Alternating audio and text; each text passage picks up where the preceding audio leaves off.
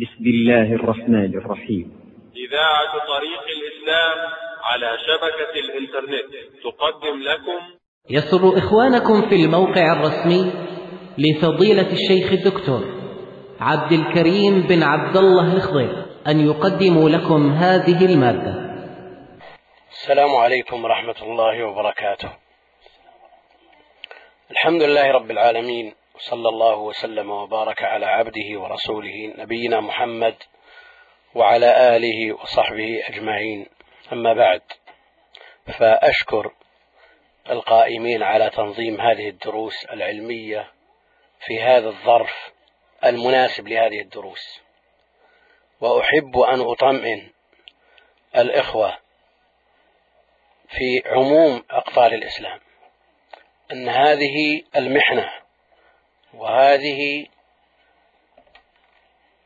النازلة وهذه الكارثة التي تمثلت في سب النبي عليه الصلاة والسلام والنيل منه. أريد أن أطمئنهم أن هذا خير وليس بشر. فإذا كان الكلام في عرضه عليه الصلاة والسلام جاء قول الله جل وعلا فيه في قصة الإفك لا تحسبوه شرا لكم بل هو خير لكم. إذا كان الكلام في عرضه عليه الصلاة والسلام والكلام في العرض أشد من الكلام في الشخص في خلقه وفي خلقه وفي جميع ما يتعلق به الكلام في العرض أشد. ومع ذلك يقول الله جل وعلا لا تحسبوه شرا لكم بل هو خير بل هو خير لكم. ومظاهر الخيرية في هذه القضية التي عايشناها ظاهرة جدا.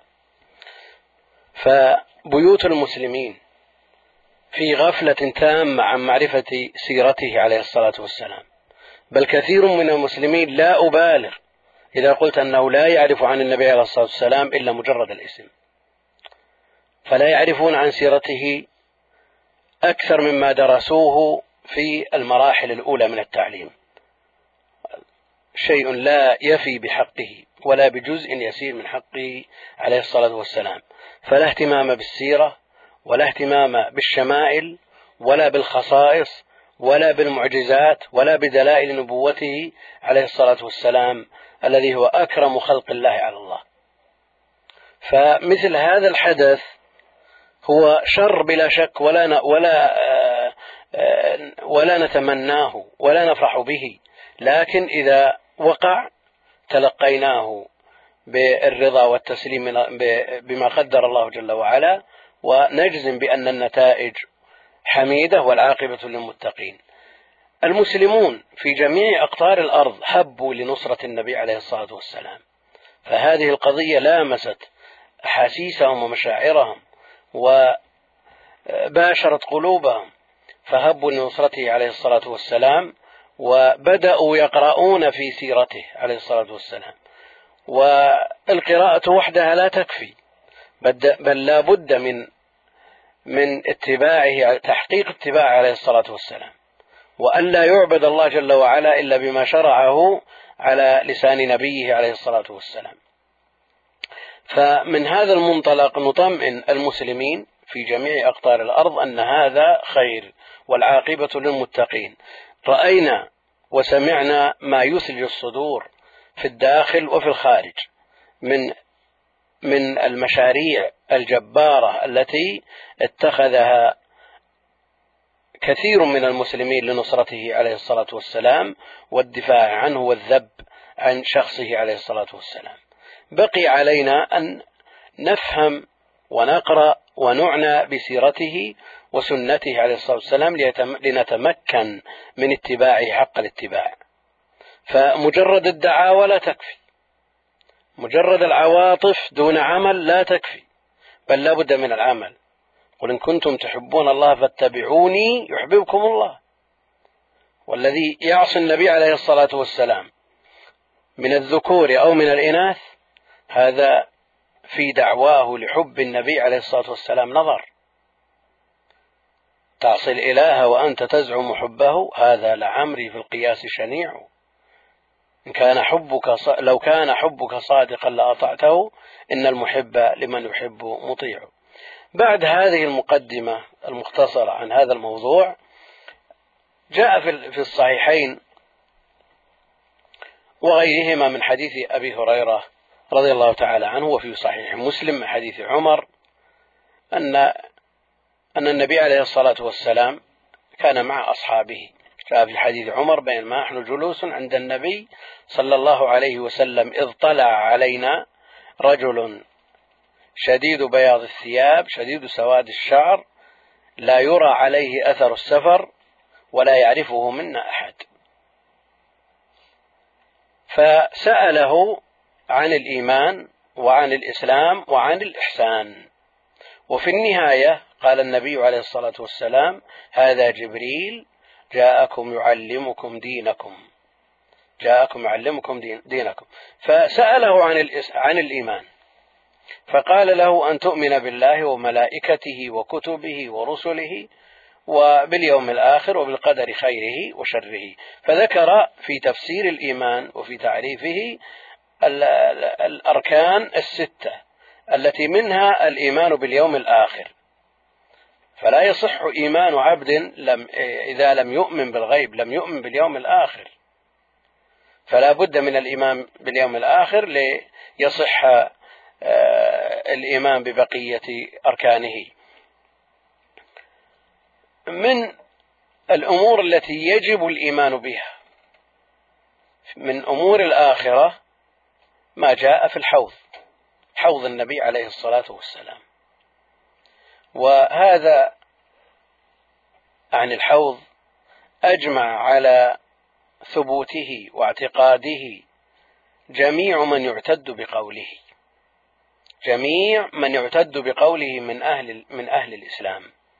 أنكره بعض المعتزلة لأن أو أنكره المعتزلة عموما لأنهم يقدمون آه، العقول والآراء على ما جاء في النصوص لكن ثبوت الحوض قطعي. بل هو متواتر على ما سيأتي ذكره في الأحاديث الثابتة فيه وجاء أيضا ذكره في القرآن. جاء ذكره في القرآن إلا أنه ليس بصريح لكن الصراحة جاءت في الأحاديث القطعية التي تزيد رواتها من صحابة النبي عليه الصلاة والسلام على الخمسين. في قول الله جل وعلا إنا أعطيناك الكوثر فصل لربك وانحر. إن شانئك هو الأبتر. وتفسير السورة بكاملها يناسب الظرف الذي نعيش فيه وإن كان الحظ الأوفر للحوض. ففي قوله جل وعلا إنا بضمير الجمع وضمير الجمع والمتكلم واحد هو الواحد الأحد الفرد الصمد الله جل وعلا لكن العرب كما في صحيح البخاري في تفسير سورة إنا أنزلناه تؤكد فعل الواحد بضمير الجمع. تؤكد فعل الواحد بضمير الجمع. هذا ذكره الإمام البخاري رحمه الله تعالى في تفسير سورة إنا أنزلناه. ومثل ذلك قوله جل وعلا إنا أعطيناك الكوثر. أعطيناك نعم أعطاه الله جل وعلا الكوثر قبل وقته وبشره به. والنبي عليه الصلاة والسلام بينما هو نائم أغفى إغفاءه ثم استيقظ متبسما عليه الصلاة والسلام.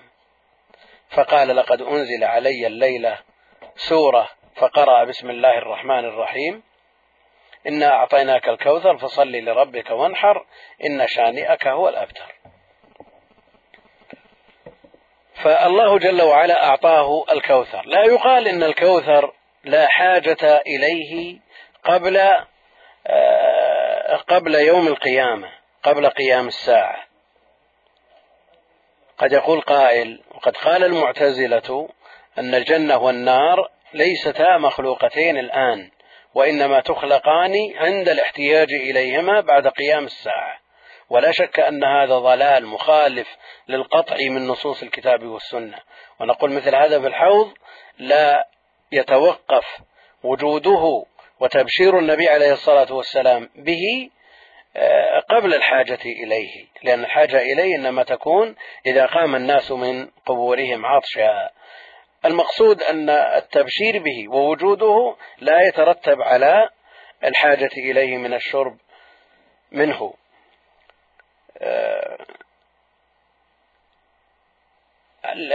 الإمام ابن جرير الطبري رحمه الله تعالى في قوله جل وعلا إنا أعطيناك الكوثر. يقول اختلف أهل التأويل في معنى الكوثر. فقال بعضهم هو نهر في الجنة. أعطاه الله نبيه محمدا صلى الله عليه وسلم. هو نهر في الجنة. أعطاه الله نبيه محمدا صلى الله عليه وسلم. ثم ساق بأسانيده إلى من قال بذلك كابن عمر وابن عباس وعائشة وأنس بن مالك رضي الله عنهم ومجاهد وجمع من التابعين. وقال آخرون عني بالكوثر الخير الكثير. ومالك رضي الله عنهم ومجاهد وجمع من التابعين. وقال آخرون عني بالكوثر الخير الكثير. وذكره بأسانيده عن ابن عباس أيضا وسعيد بن جبير وعكرمة ومجاهد. وقال عكرمة الكوثر هو النبوة والخير الذي أعطاه الله إياه. وقال آخرون هو حوض أعطيه رسول الله صلى الله عليه وسلم في الجنة. وذكره بإسناده عن عطاء ثم رجح الطبري أنه اسم النهر الذي أعطيه رسول الله صلى الله عليه وسلم في الجنة وصفه الله بالكثرة الكوثر مأخوذ من الكثرة بالكثرة لعظم قدره. ثم ساق بأسانيده إلى, النب... إلى أنس بن مالك قال لما عرج بنبي الله صلى الله عليه وسلم أو كما قال عرض له نهر حافتاه الياقوت المجوف أو قال المجوب فضرب الملك الذي معه بيده فيه يعني في النهر فاستخرج مسكا. فقال محمد عليه الصلاة والسلام للملك الذي معه ما هذا؟ قال هذا الكوثر الذي أعطاك الذي أعطاك الله. وفي تفسير الإمام الحافظ ابن كثير رحمه الله تعالى قال الإمام أحمد حدثنا محمد بن فضيل عن المختار عن المختار بن فلفل عن أنس بن مالك قال أغفى رسول الله صلى الله عليه وسلم إغفاءة فرفع رأسه متبسما. إما قال لهم أو وإما قالوا له لم ضحكت؟ فقال رسول الله صلى الله عليه وسلم إما أن يكون الرسول عليه الصلاة والسلام ابتدرهم بالكلام أو سألوه عن سبب ذلك فقال عليه الصلاة والسلام إنه نزل علي آنفا سورة. فقرأ بسم الله الرحمن الرحيم إنا أعطيناك الكوثر حتى ختمها. فقال أتدرون ما الكوثر؟ قالوا الله ورسوله أعلم. هذه عادتهم يسلمون آه، ويكلون العلم إلى عالمه ولا يجتهدون بحضرته عليه الصلاة والسلام إلا إذا طلب منهم ذلك إلا إذا طلب منهم ذلك. قال هو نهر أعطاني أعطانيه ربي عز وجل في الجنة. عليه آه، أو فيه خير كثير ترد عليه أمتي يوم القيامة. آنيته عدد الكواكب. يختلج العبد منهم فأقول يا رب إنه من من أمتي. فيقال إنك لا تدري ما أحدثوا بعدك. وهذا كما هو ملاحظ من ثلاثيات المسند يعني من عوالي ما يرويه الإمام أحمد لأنه يرويه بواسطة ثلاثة من الرواة. وقد روى هذا الحديث مسلم وأبو داود والنسائي من طريق علي بن مسهر ومحمد بن فضيل كلاهما عن المختار عن أنس ولفظ مسلم قال بين رسول الله صلى الله عليه وسلم بين أظهرنا في المسجد إذ أغفى إغفاءة ثم رفع رأسه متبسما. قلنا ما أضحكك يا رسول الله؟ قال لقد أنزلت علي آنفا سورة فقرأ بسم الله الرحمن الرحيم إنا أعطيناك الكوثر فصل لربك وانحر إن شانئك هو الأبتر. ثم قال أتدرون ما الكوثر؟ قلنا الله ورسوله أعلم. قال فإنه نهر وعدنيه ربي. عز وجل عليه أو فيه خير كثير هو هو حوض ترد عليه أمتي يوم القيامة. آنيته عدد نجوم السماء فيختلج العبد منهم فأقول يا رب إنه من أمتي. فيقول إنك لا تدري ما أحدثوا بعدك. ونهتم لما جاء في الخبر ما أحدثوا بعدك. لنعرف من يهنأ بالشرب من هذا الحوض على ما سيأتي إن شاء الله تعالى. فإنك لا تدري ما, ما أحدثوا بعدك أو ما أحدث بعدك هذا المختلج. وروى البخاري ومسلم في صحيحيهما من حديث شيبان بن عبد الرحمن عن قتادة عن أنس بن مالك قال, قال لما عرج بالنبي صلى الله عليه وسلم إلى السماء قال أتيت على نهر حافتاه قباب اللؤلؤ المجوف. فقلت ما هذا يا جبريل؟ قال هذا الكوثر. ثم قال ابن كثير وقد تواترت قد تواتر هذا الحديث من طرق تفيد القطع تفيد القطع. عند كثير من أئمة الحديث وكذلك أحاديث الحوض. يعني من الأحاديث المتواترة المقطوع بها أحاديث الحوض. وفي تفسير الرازي وفي ووجه التوفيق بين القولين يعني ما جاء من أنه هو نهر وما جاء من تفسيره بالحوض. يقول ووجه التوفيق بين القولين يعني النهر والحوض أن يقال لعل النهر يصب في الحوض أو لعل الأنهار إنما تسيل من ذلك الحوض فيكون ذلك الحوض كالمنبع لهذه الأنهار. وفي تفسير القرطبي المسمى بالجامع لأحكام القرآن يقول رحمه الله تعالى العرب تسمي كل شيء كثير في العدد والقدر والخطر كوثرا. قال سفيان قيل لعجوز رجع ابنها من السفر. بما آب ابنك؟ قالت بكوثر. أي بمال كثير والكوثر من الرجال السيد الكثير الخير. ثم قال واختلف أهل التأويل في الكوثر الذي أعطيه النبي صلى الله عليه وسلم على ستة عشر قولا. القول الأول أنه نهر في الجنة. رواه البخاري عن أنس ورواه الترمذي أيضا عنه وعن ابن عمر. الثاني أنه حوض النبي عليه الصلاة والسلام في الموقف قاله عطاء. والقول الثالث أنه النبوة والكتاب قاله عكرمة. والرابع أنه القرآن. قاله الحسن والخامس أنه الإسلام حكاه بعضهم والسادس أنه تيسير القرآن. ولقد يسرنا القرآن للذكر فلا شك أن هذا التيسير نعمة من الله جل وعلا يمتن بها على عباده. السادس تيسير القرآن وتخفيف الشرائع. قاله الحسين بن الفضل السابع هو كثرة الأصحاب. والأشياع قاله أبو بكر بن عياش والقول الثامن أنه الإيثار قاله ابن كيسان. والقول التاسع أنه رفعة الذكر حكاه الماوردي. والقول العاشر أنه نور في قلب النبي عليه الصلاة والسلام آه، فضله على ما سواه. والحادي عشر أنه الشفاعة والثاني عشر أنه معجزات الرب آه، يعني معجزات النبي عليه الصلاة والسلام التي آه، من ربه جل وعلا. وهذا القول حكاه الثعلبي. والثالث عشر قال هلال بن يساف هو لا إله إلا الله محمد رسول الله. والرابع عشر أنه الفقه في الدين. والخامس عشر أنه الصلوات الخمس. السادس عشر آه، أنه العظيم من الأمر قاله ابن إسحاق. هذه أقوال ستة عشر ذكرت في تفسير الكوثر آه، استعراضها على وجه السرعة لكن القرطبي يقول أصح هذه الأقوال الأول والثاني يعني أنه نار في الجنة أو أنه حوض النبي عليه الصلاة والسلام لأنه هو الثابت عن النبي عليه الصلاة والسلام. سمع أنس بن مالك رضي الله تعالى عنه قوما يتذاكرون الحوض.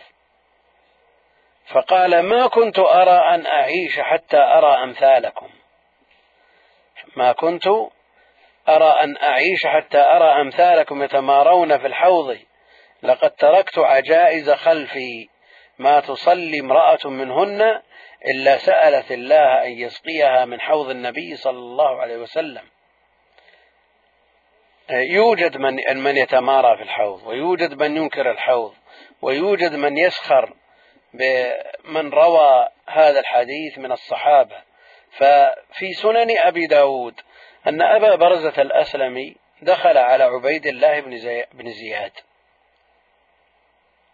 فقال له التفت إلى من إلى من حوله فقال إن محمديكم هذا الدحداح. إن محمديكم يعني نسبه إلى النبي عليه الصلاة والسلام. كأنه يزدريه ويتنقصه بهذه النسبة. فقال أبو برزة رضي الله تعالى عنه ما كنت أظن أن أن أزدر وأنتقص بصحبة محمد عليه الصلاة والسلام. ولا شك أن هذا من الإحداث وهذا من التغيير الذي يكون سببا للحرمان من الشرب من هذا الحوض. نسأل الله السلامة والعافية. ثم قال حدثني عن الحوض فحدثه بما سيأتي من الحديث إن شاء الله تعالى. يقول سمع أنس بن مالك رضي الله تعالى قوما يتذاكرون الحوض. فقلت ما كنت أرى أن أعيش حتى أرى أمثال حتى أرى أمثالكم. يتمارون في الحوض. يعني كل واحد منهم يأتي برأي يخترعه من عنده. والأصل في هذه المسائل أنها مسائل تسليم لأنها مما لا يدرك بالرأي. فلا بد من الرضا والتسليم. والمقرر عند أهل العلم أن قدم الإسلام لا تثبت إلا على قنطرة التسليم. ومن أراد أن يعرض الأمور على عقله مما صح به الخبر عن النبي عليه الصلاة والسلام لا شك أن عقله يقوده إلى الضلال. فالذي لا يقوده الكتاب والسنة لا شك أن مآله إلى الضلال وما ذكر وما عرف عن كثير من المبتدعة لا شك أن سببه ترك الاعتصام بالكتاب والسنة والاعتماد على الآراء وأقوال الرجال. فحينما تذاكروا الحوض وصار كل واحد يأتي برأي من عنده لا يستند فيه إلى نص أنكر عليهم أنس رضي الله تعالى عنه فقال ما كنت أرى أن أعيش حتى أرى أمثالكم.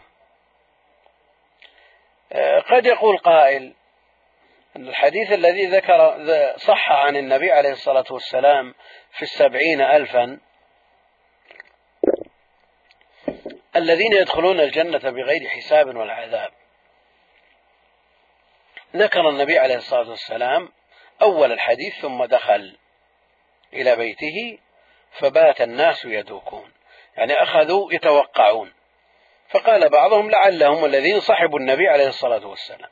وقال بعضهم لعلهم الذين ولدوا في الإسلام ولم يدركوا الجاهلية. وقال بعضهم لعلهم لعلهم. فخرج النبي عليه الصلاة والسلام فأخبرهم عن هؤلاء السبعين أنهم الذين لا يسترقون ولا يكتوون ولا, يتطيرون وعلى ربهم يتوكلون. وما أنكر عليهم قولهم. ما أنكر عليهم اجتهادهم والتماسهم المراد بالسبعين. لماذا؟ لأنهم لم يجزموا بهذا القول. بل أتوا بحرف الترجي لعل كذا لعل كذا. فإذا كان الإنسان يبدي ما لديه من من رأي بحرف الترجي لا يلام. لكن إذا كانوا في مجلس لا بد أن ينصرفوا أن لا ينصرفوا ولا يتفرقوا إلا عن بينة من أمرهم. لا بد من الوصول إلى حقيقة قبل التفرق. ولذا جاء النبي عليه الصلاة والسلام وهم مجتمعون فأخبرهم بالمراد. وعلى هذا ما ورد من الوعيد في تفسير القرآن بالرأي أو تفسير الحديث بالرأي لا شك أن مثل هذا فيه سعة. إذا قيل لعل المراد بالآية كذا لعل المراد كذا لكن على أن لا يتفرق جمع. وهذا ليس أمر ليس متروك لعامة الناس الذين لا يفهمون النصوص بل في مجتمعات طلاب العلم. إذا أبدوا مثل هذا التساؤل مصدرا بحرف الترجي ووصلوا إلى الحقيقة قبل التفرق وصلوا إلى القول الراجح بسؤال من هو أعلم منهم ممن يثقون بعلمه أو بالرجوع إلى المصادر الموثوقة فإذا وصلوا إلى الحق فإن ذلك لا يضيرهم إن شاء الله تعالى استدلالا بحديث السبعين الألف. هؤلاء تماروا في الحوض. بعضهم يقول لعله كذا لعله كذا لعله كما قال المعتزلة عن آه، الميزان أنه معنوي وليس بحقيقي أو مجازي وليس بحقيقي. على كل حال مثل هذه الأمور الأصل فيها الحقيقة. الأصل فيها الحقيقة وما ظلت طوائف آه، من المسلمين إلا بسبب هذه التآويل التي لا تستند إلى شرع. لا تستند إلى شرع. وتفاسير الباطنية من غلاة الصوفية والإسماعيلية والرافضة كلها من هذا النوع. يحورون الأمور المحسوسة التي جاء ذكرها بالنصوص الشرعية إلى أمور معنوية لا حقيقة لها. وبهذا ضلوا ضلالا مبينا. نسأل الله السلامة والعافية. في هذا يقول الشاعر يا صاحب الحوض من يدانيك؟ وأنت حقا حبيب باريك. وجميع ما قيل بعد ذلك في تفسيره يقول القرطبي وجميع ما قيل ذلك في بعد ذلك في تفسيره من الأقوال الأخرى قد أعطيه رسول الله صلى الله عليه وسلم زيادة على حوضه عليه الصلاة والسلام. فالمرجح عند أهل التأويل أنه نهر في الجنة وبهذا جاء الخبر الصحيح أو أنه حوض النبي عليه الصلاة والسلام الذي يأتي الحديث عنه لاحقا إن شاء الله تعالى. في تفسير الآلوسي المعروف بروح المعاني هل الحوض قبل الميزان أو بعده؟ قبل الميزان والصراط أو بعده؟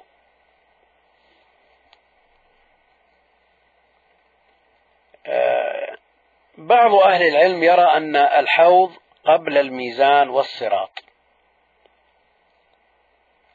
ومنهم من يرى أنه بعدهما بعد الميزان والصراط يعني قريبا من باب الجنة. إذا تجاوز الناس آه، الميزان والصراط وقربوا من باب الجنة يوجد أو آه، الحوض.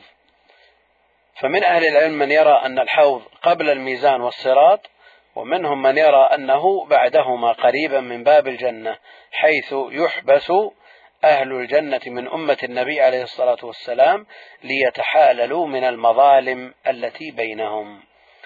وعلى هذا يكون آه، الصراط في الحوض المبدلة. يوم تبدل الأرض غير الأرض. وهذا قاله القرطبي في تذكرته. من أهل العلم من يرى أن للنبي عليه الصلاة والسلام حوضين.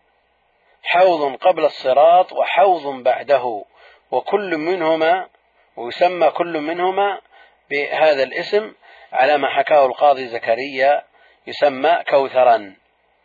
وصحح رحمه الله أنه بعد الصراط. وأن الكوثر في الجنة يعني الكوثر في الجنة.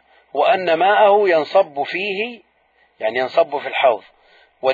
ولذا يسمى كوثرا. هو كلامه يقول قيل له حوضان. كلام آه، زكريا الأنصاري رحمه الله. حوض قبل الصراط وحوض بعده. ويسمى كل منهما كوثر. حوض قبل الصراط وحوض بعده يسمى كل منهما كوثر. وصحح رحمه الله تعالى ذلك وأن الكوثر في الجنة وأن ماءه ينصب فيه ولذا يسمى كوثر. هذا ما نقله الألوسي عن القاضي زكريا الأنصاري. قال وليس هو من خواصه عليه الصلاة والسلام كالنهر السابق بل يكون لسائر الأنبياء عليهم الصلاة والسلام يرده مؤمنو أممهم. ففي حديث الترمذي إن لكل نبي حوضا. وأنهم يتباهون أيهم أكثر واردا وإني أرجو أن أكون أكثرهم واردا. وهذا الترمذي قال عنه حديث حسن غريب قال هذا الحديث والصواب أنه ضعيف لأنه مرسل لأنه مرسل. يقول الألوسي في تفسيره ورأيت في بعض الكتب أن الكوثر هو النهر الذي ذكره الله جل وعلا. وهو الحوض. أن الكوثر هو النهر. وهو الحوض. يقول هو على ظهر ملك عظيم. يكون مع النبي صلى الله عليه وسلم حيث يكون. فيكون في المحشر. إذ يكون آه، عليه الصلاة والسلام فيه. يعني أينما يوجد النبي عليه الصلاة والسلام يتبعه هذا الملك الذي على ظهره هذا النهر. ولا شك أن في هذا غرابة شديدة. وفيه نكارة. وإن كانت القدرة الإلهية آه، صالحة لمثل هذا والله تعالى لا يعجزه شيء. في التذكرة للقرطبي نذكر مثل هذه الأقوال وإن, كن وإن كان فيها ما فيها عند أهل العلم لكن لاستيعاب الأقوال. في التذكرة للقرطبي يقول اختلف في الميزان والحوض أيهما قبل الآخر؟ فقيل الميزان قبله وقيل الحوض وقال أبو الحسن القابسي الصحيح أن الحوض قبله قلت القائل القرطبي والمعنى يقتضي يقتضي ذلك فإن الناس يخرجون عطاشا من قبورهم فيقدم قبل الميزان والصراط والله أعلم. إذا قاموا عطاشا احتاجوا إلى الشرب. لكن لقائل أن يقول لماذا لا يكون قبل الصراط بعد الصراط والميزان لئلا يشرب منه إلا من يستحقه؟ نعم. من الذي يستحقه هو من يجاوز آه، الميزان والصراط.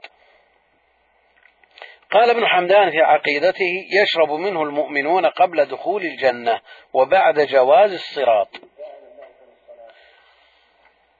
وقال الحافظ ابن حجر ظاهر الأحاديث أن الحوض بجانب الجنة. قال الحافظ ابن حجر ظاهر الأحاديث أن الحوض بجانب الجنة. ينصب فيه الماء من النهر الذي داخلها. فلو كان قبل الصراط لحالت النار بينه وبين الماء الذي يصب فيه الذي يصب من الكوثر فيه. يقول الحافظ بن حجر رحمه الله وهو من أهل آه، الاطلاع الواسع والاستقراء لما ورد في هذه المسألة وفي غيرها من المسائل من الأحاديث النبوية يقول ظاهر الأحاديث أن الحوض بجانب الجنة. ينصب فيه الماء من النهر الذي داخلها. فلو كان قبل الصراط لحالت النار بينه وبين الماء الذي يصب من الكوثر فيه. قال وأما ما أورد عليه من أن جماعة يدفعون عن الحوض بعد أن يروه ويذهب بهم إلى النار. هذا إيراد قوي. يقول بجانب الجنة. معنى هذا إذا كان بجانب الجنة معناه أنهم تجاوزوا الميزان والصراط وما بقي إلا دخول الجنة. قال وأما ما أورد عليه من أن جماعة يدفعون عن الحوض بعد بعد أن يروه ويذهب بهم إلى النار فجوابهم أنهم يقربون من الحوض بحيث يرونه ويرون الجنة. فيدفعون في النار قبل أن يخلصوا من بقية الصراط. يعني قبل أن يتجاوز الصراط بل هم في أثنائه إذا قربوا من الحوض ورأوه آه، دفعوا. ولا شك أن لفظ آه، الورود آه، يدل على القرب الشديد من الحوض ودفعهم قبل قبل هذا القرب لا شك أنه أقل في النكاية من دفعهم إذا قربوا منه قربا شديدا بحيث كانوا على قرب منه آه، فإذا دفع عنه وهم على آه، على حافته أو على مقربة منه يكون هذا أشد نكاية لهم. يقول فجوابه أنهم يقربون من الحوض بحيث يرونه ويرون الجنة فيدفعون في النار قبل أن يخلصوا من بقية الصراط. قال السيوطي وقد ورد التصريح في حديث صحيح عند الحاكم وغيره بأن الحوض بعد الصراط. فإن قيل إذا خلصوا من الموقف دخلوا الجنة فلم يحتاجوا إلى الشراب منه. انتهوا من الميزان وانتهوا من الصراط. فما حاجتهم إلى الشرب من الحوض وهم على أبواب الجنة على قربها؟ يقول فالجواب بل يحتاجون إلى ذلك لأنهم محبوسون هناك لأجل المظالم. لأجل المظالم. فكان الشرب في موقف القصاص. ويحتمل الجمع بأن يقع الشرب من الحوض قبل الصراط لقوم. بأن يقع الشرب من يقول ويحتمل الجمع بأن يقع الشرب من الحوض قبل الصراط لقوم. ويقع تأخيره بعده لآخرين بحسب ما عليهم من الذنوب والأوزار. حتى يهذبوا منها على الصراط ولعل هذا أقوى. قال الشيخ مرعي رحمه الله في بهجته قال وهذا في غاية التحقيق جامع للقولين وهو دقيق. آه، نعود إلى كلامه لنفهمه. يقول السيوطي وقد ورد التصريح في حديث صحيح عند الحاكم وغيره بأن الحوض بعد الصراط. فإن قيل إذا خلصوا من الموقف دخلوا الجنة فلم يحتاجوا إلى الشراب منه. فالجواب بل يحتاجون إلى ذلك لأنهم محبوسون هناك لأجل المظالم. فكان, الشرا فكان الشرب في موقف القصاص ويحتمل الجمع بأن يقع الشرب من الحوض قبل الصراط لقوم وتأخيره بعده لآخرين بحسب ما عليهم من الذنوب والأوزار حتى يهذبوا منها على الصراط. يقول ولعل هذا أقوى. وأيده الشيخ مرعي في بهجته وقال إنه في غاية التحقيق جامع للقولين وهو دقيق. لكن إذا نظرنا في هذا القول وهو أن بعض الناس يشرب من الحوض قبل الصراط. ومنهم من يشرب منه بعد مجاوزة الصراط. فهل يكون موقعه قبل الصراط أو بعده؟ نعم. يعني موقع يعني حوضين؟ يعني حوض قبل وبعد؟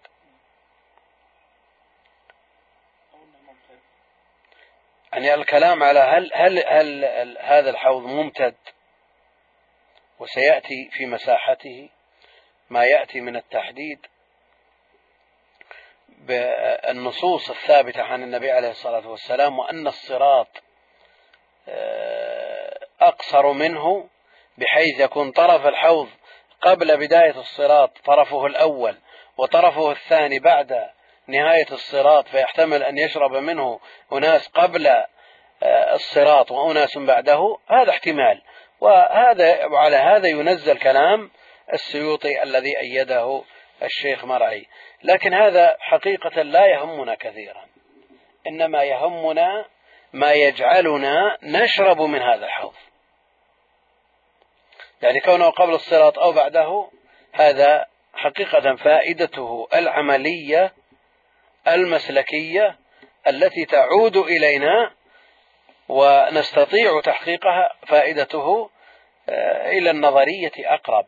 لكن الذي يهمنا ويعنينا أن نحقق الاتباع وألا نحدث لأن الحدث كما سيأتي في الأحاديث ما أحدثوا بعدك وما تقدمت الإشارة إليه هو سبب الذود عن هذا الحوض.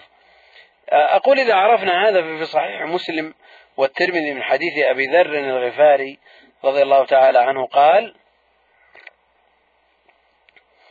قلت يا رسول الله ما آنية الحوض؟ قال والذي نفس محمد بيده. كثيرا ما يقسم النبي عليه الصلاة والسلام بهذا والذي نفسي بيده. وكثير من الشراح شراح الأحاديث يقولون والذي نفسي بيده يعني روحي في تصرفه. روحي في تصرفه. ولا شك أن هذا فرار من إثبات اليد لله جل وعلا على ما يليق بجلاله وعظمته كما هو المحقق المقرر عند أهل السنة والجماعة. قال والذي نفسي بيده لآنيته أكثر من عدد نجوم السماء. أكثر من عدد نجوم السماء وكواكبها.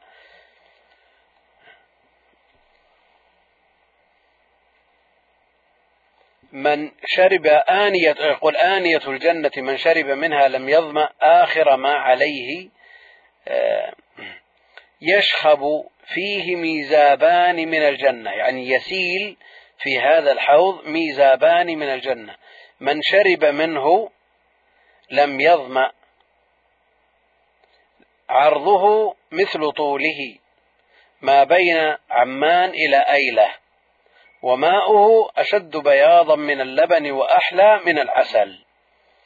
وفي الصحيحين عن أنس رضي الله تعالى عنه أن رسول الله صلى الله عليه وسلم قال ما بين ناحيتي ما بين ناحيتي حوضي كما بين صنعاء والمدينة. في الحديث الأول يقول ما بين عمان إلى أيلة. وفي حديث أنس في حديث أبي ذر ما بين عمان إلى أيلة. وفي حديث أنس رضي الله تعالى عنه أن النبي صلى الله عليه وسلم قال ما بين ناحيتي حوضي كما بين صنعاء والمدينة. وفي رواية ما بين المدينة وعمان. وفي أخرى يرى فيه أباريق الذهب والفضة كعدد نجوم السماء. وفي رواية أخرى إن قدر حوضي كما بين أيلة وصنعاء اليمن. الآن أيلة وردت في هذه الرواية وهي في الصحيحين. ما بين أيلة وصنعاء وجاء أيضا ما بين صنعاء والمدينة. وجاء ما بين عمان إلى أيلة. ولا شك أن هذه المسافات متفاوتة تفاوتا كبيرا. وهذه الأحاديث كلها صحيحة. وفي مسلم حديث جابر بن سمرة رضي الله عنه أن رسول الله صلى الله عليه وسلم قال ألا إني فرط لكم على الحوض يعني متقدم أمامكم على الحوض وإن بعد ما بين طرفيه كما بين صنعاء وأيلة. وفي الصحيحين من حديث عبد الله بن عمرو رضي الله عنهما قال قال رسول الله صلى الله عليه وسلم حوضي مسيرة شهر ماؤه أبيض من اللبن وريحه أطيب من المسك وكيزانه كنجوم السماء من شرب منه لا يظمأ أبدا. هذه التحديدات لا شك أنها متفاوتة. فما بين عمان إلى أيلة أقصر بكثير مما بين أيلة وصنعاء اليمن وما بين صنعاء والمدينة أقصر. فهذه التحديدات ظن بعضهم أن ما جاء فيها يعد اضطراب والاضطراب لا شك أنه يضعف الحديث. فالحديث المضطرب آه، من من قسم الضعيف. والحديث المضطرب يعرفه أهل العلم بأنه الحديث الذي يروى على أوجه مختلفة متساوية. يعني لابد أن يروى على أكثر من وجه وأن تكون هذه الأوجه مختلفة. ولا شك أن هذا متحقق في هذا الحديث. يروى على أوجه مختلفة لكن هل هذه الأحاديث متساوية؟ ليحكم بالاضطراب. منها ما في الصحيحين ومنها ما تفرد به البخاري ومنها ما تفرد به مسلم. وعلى هذا إذا قلنا أن بعضها أرجح من بعض لننفي الاضطراب قلنا يقدم ما في الصحيحين. هذا إذا تعذر الجمع. أما إذا أمكن الجمع أما إذا أمكن الجمع فلا يلجأ إلى مثل هذا التعليل للأحاديث الثابتة في الصحيح. والجمع ممكن.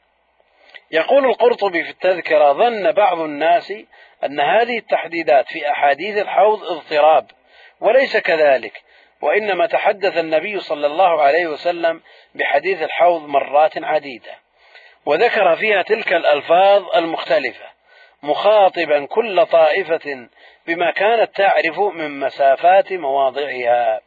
فيقول لأهل الشام مثلا ما بين أذرح وجرباء ولأهل اليمن من صنعاء إلى المدينة وهكذا.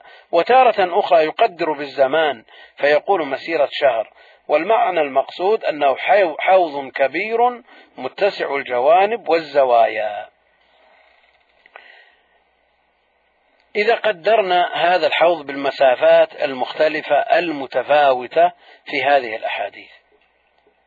فيمكن الجمع بما قاله القرطبي بأنه خاطب كل أناس بما يفهمونه وليس المراد التقدير الدقيق. ليس المراد التقدير الدقيق. فيخاطب الشامي بما يناسبه مما يعرفه من البلدان. يخاطب اليمني بما يعرفه من البلدان. يخاطب الحجازي بما يعرفه من البلدان وهكذا. وليس في هذا أدنى اضطراب. وتارة يقدره بالزمان فيقول مسيرة شهر والمعنى المقصود أنه حوض كبير متسع الجوانب والزوايا. أيضا يمكن أن يجاب عن هذا الاختلاف في تحديد المسافة أن هذه المسافات تختلف من حيث الطول لكنها تتحد من حيث الزمان وقد تتحد في الزمان وتختلف في الطول. كيف السير يختلف من شخص إلى آخر ومن وسيلة إلى أخرى. ومن وسيلة إلى أخرى. إذا قلنا بسير الأحمال الإبل المحملة هذا حملناه على أطول المسافات.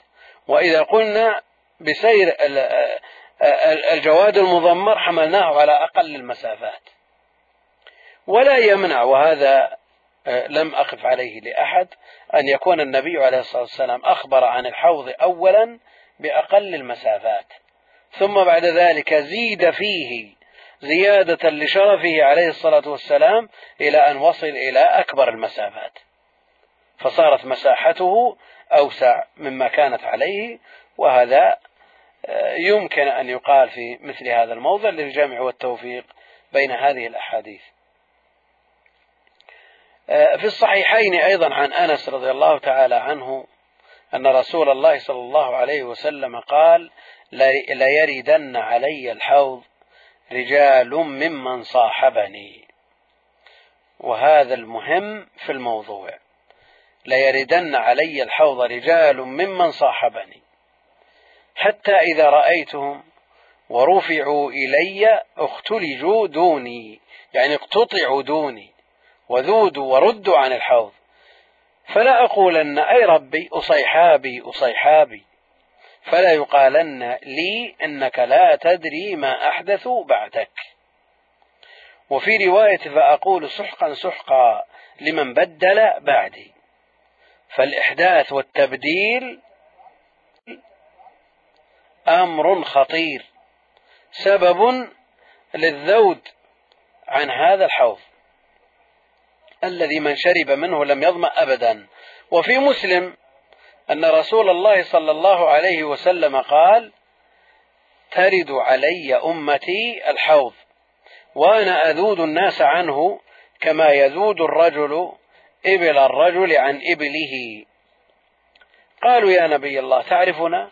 قال نعم لكم سيما ليست لأحد غيركم. تردون علي غرا محجلين من آثار الوضوء. ولا يصدن عني طائفة منكم فلا يصلون فأقول يا رب هؤلاء من أصحابي فيجيبني ملك فيقول وهل تدري ما أحدث بعدك؟ هذا في مسلم. وفي الرواية السابقة قال فلأقولن أي ربي أصيحابي أصيحابي فلا يقالن لي. يعني يقالن لي يعني من قبل الملك الذي جاء ذكره في رواية مسلم. ولا يصدن عني طائفة منكم فلا يصلون. فأقول يا رب هؤلاء من أصحابي فيجيبني ملك فيقول وهل تدري ما أحدثوا بعدك؟ وفي سنن ابن ماجه عن ثوبان مولى رسول الله صلى الله عليه وسلم ذكر الحديث مطولا وفيه وأول من يرد علي حوضي فقراء المهاجرين. الدنس ثيابا الشعث رؤوسا. يقول لا ينكحون المنعمات ولو تفتح لهم أبواب السدد. وهذا حديث آه، خرجه ابن ماجه ورواه أيضا الترمذي وقال حديث غريب. حديث غريب. وهو قابل للتحسين بطرقه ولذا الألباني رحمه الله قواه. على كل حال أول من يرد الحوض فقراء المهاجرين ومعروفا ما جاء في الفقراء وأنهم يدخلون الجنة قبل الأغنياء بخمسمائة عام. وفي بعض الروايات بمئة عام وفي بعضها بأربعين عاما. وكلها صحيح. وهذا الاختلاف كسابقه ليس من الاختلاف الذي يلزم منه الاضطراب. بل هذا التقدير يختلف باختلاف الأغنياء ويختلف باختلاف الفقراء. فأشد الناس فقرا يدخل قبل الأغني قبل أغنى الناس بخمسمائة عام. ومن دونه في الفقر يدخل قبل من دون ذاك الغني بمائة عام. ومن دونه في الفقر يدخل قبل ذلك الثاني من الأغنياء في المرتبة الثانية بأربعين عاما. وبمثل هذا يوفق بين النصوص التي يرد فيها مثل هذه التقادير. وبعض أهل العلم يسلك مسلك آخر في مثل هذه الأحاديث ويقول آه، أن العدد لا مفهوم له. لا مفهوم له وإنما يذكر لمجرد بيان عظم الأمر. في التذكرة للقرطبي قال علماؤنا رحمهم الله كل من ارتد عن دين الله أو أحدث فيه ما لا يرضاه الله ولم يأذن به فهو من. فهو المطرود أو فهو من المطرودين عن الحوض المبعدين عنه يقول كل من ارتد عن دين الله ونعرف أنه حصل بعد موته عليه الصلاة والسلام أنه ارتد من ارتد ممن آه، ممن دخل في الإسلام وصحب النبي عليه الصلاة والسلام. لكن لا يعني هذا أن آه، الأمر آه، جرى على أكثر الصحابة أو على خيار الصحابة كما يزعم ظلال المبتدعة. ظلال المبتدعة. لا شك أنه ارتد من ارتد ورجع وعاد إلى الإسلام بعد حروب الردة من رجع لكن يبقى أنه ارتد من ارتد وهؤلاء هم الذين يذادون. أما أصحابه عليه الصلاة والسلام الذين خالط الإمام الإيمان بشاشة قلوبهم وآمنوا به ظاهرا وباطنا وصدقوه وصحبوه صحبة بحيث آثروه على أنفسهم مثل هؤلاء لا يعرف من ولا واحد ارتد منهم. وإنما ارتد بعض من لم يقر الإيمان في قلبه وإنما صدق بلسانه أو دخل الإيمان في قلبه ثم خرج منه والحي لا تؤمن عليه الفتنة. فعلى هذا يكون الإنسان على حذر شديد من الإحداث والابتداع في الدين لئلا يذاد عن هذا الحوض. ويكون أيضا على نظر إلى العاقبة وحسن الخاتمة وسؤال الله جل وعلا في كل لحظة أن يميته مسلما غير محدث ولا مبدل ولا زائغ عن هذا الدين. يقول كل من ارتد عن دين الله أو أحدث فيه ما لا يرضاه الله ولم يأذن به الله فهو من المطرودين عن الحوض. المبعدين عنه. يقول وأشدهم طردا من خالف جماعة المسلمين وفارق سبيلهم كالخوارج على اختلاف فرق فرقها والروافض على تباين ضلالها والمعتزلة على على أصناف أهوائها فهؤلاء كلهم مبدلون وكذلك الظلمة المسرفون في الجور والظلم وتطميس الحق وقتل أهله وإذلالهم والمعلنون بالكبائر المستخفون بالمعاصي وجماعة أهل الزيغ والبدع والأهواء. يقول القرطبي هؤلاء هم الذين يذادون عن الحوض ولا شك أنهم داخلون في الإحداث. كلهم أحدثوا في الدين ما ليس منه. وليحذر المسلم أن يتعبد لله جل وعلا بأي عبادة لم يكن عليها دليل نص لم يسبق لها شرعية من كتاب الله وسنة نبيه عليه الصلاة والسلام. لئلا يذاد عن الحوض. ومقتضى الإيمان بالنبي عليه الصلاة والسلام أن لا يعبد الله جل وعلا إلا بما شرع. فعلى الإنسان أن يقتفي الأثر ويكتفي, ويكتفي بما جاء عن الله وعن رسوله. وجاء عن ابن مسعود رضي الله تعالى عنه اتبعوا ولا تبتدعوا فقد كفيتم. ولا شك أن الشيطان يزين للناس هذه البدع ويشرب حبها قلوبهم. فعلى الإنسان أن يعتصم بالكتاب والسنة ولا يزيغ عنهما ولا يحرف ولا يبدل. ليثبته الله جل وعلا في الحياة الدنيا وفي الآخرة.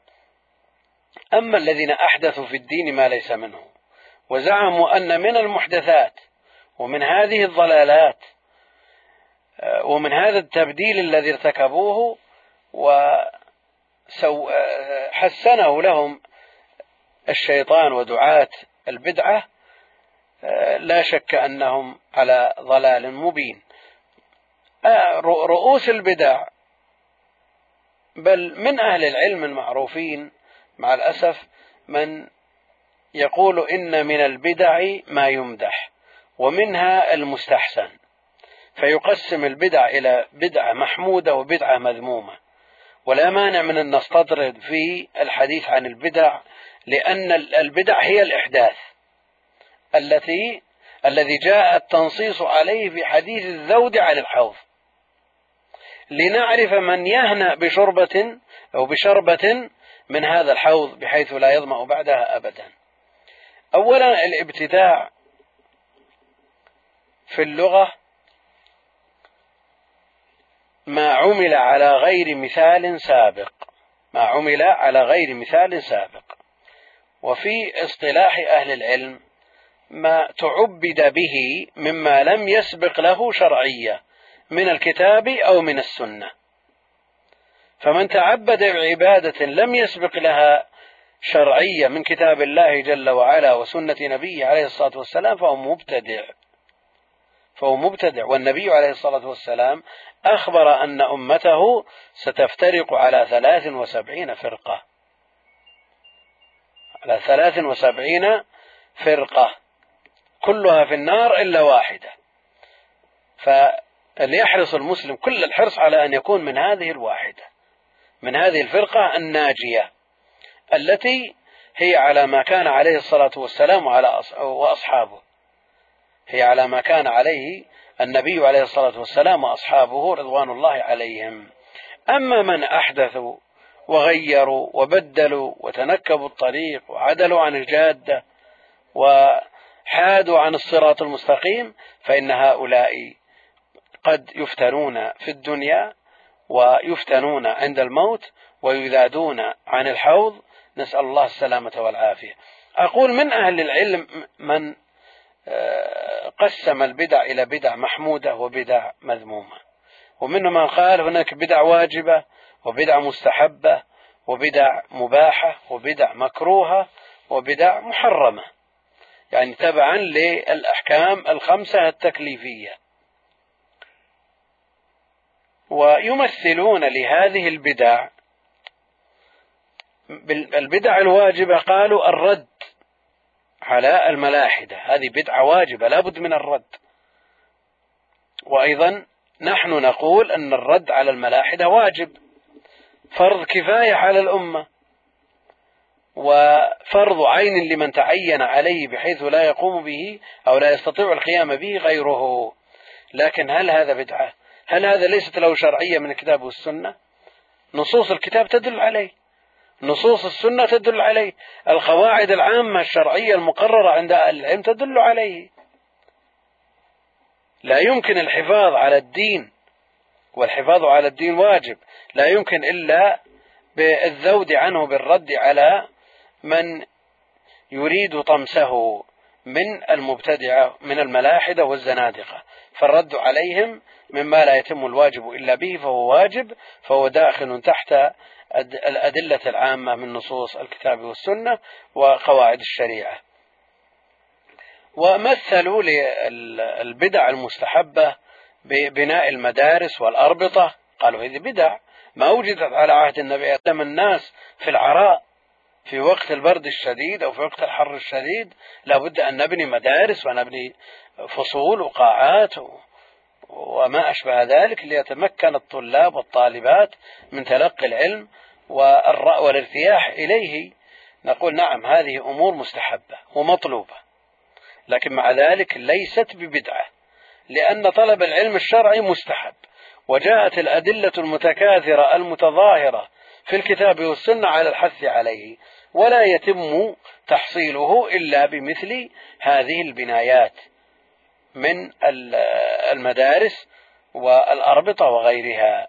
وعلى هذا ما لا يتم المستحب به إلا به فهو مستحب. فلا يمكن أن يقال إن مثل هذا من باب أو من حيز الابتداع. قال هناك بدع مباحة. بدع مباحة. مثل التوسع في ألوان الطعام والشراب والمركوبات والملبوسات والمساكن وغيرها. قالوا هذه مباحات لكنها بدع لأنها لا توجد على عهد النبي عليه الصلاة والسلام نقول هذه ليست ببدع لأن البدع خاص فيما يتعبد به. أما ما يزاوله الناس في أمورهم الحياتية العادية التي لا يتعبدون بها فالأصل فيها الإباحة. والله جل وعلا خلق لنا ما في الأرض جميعا.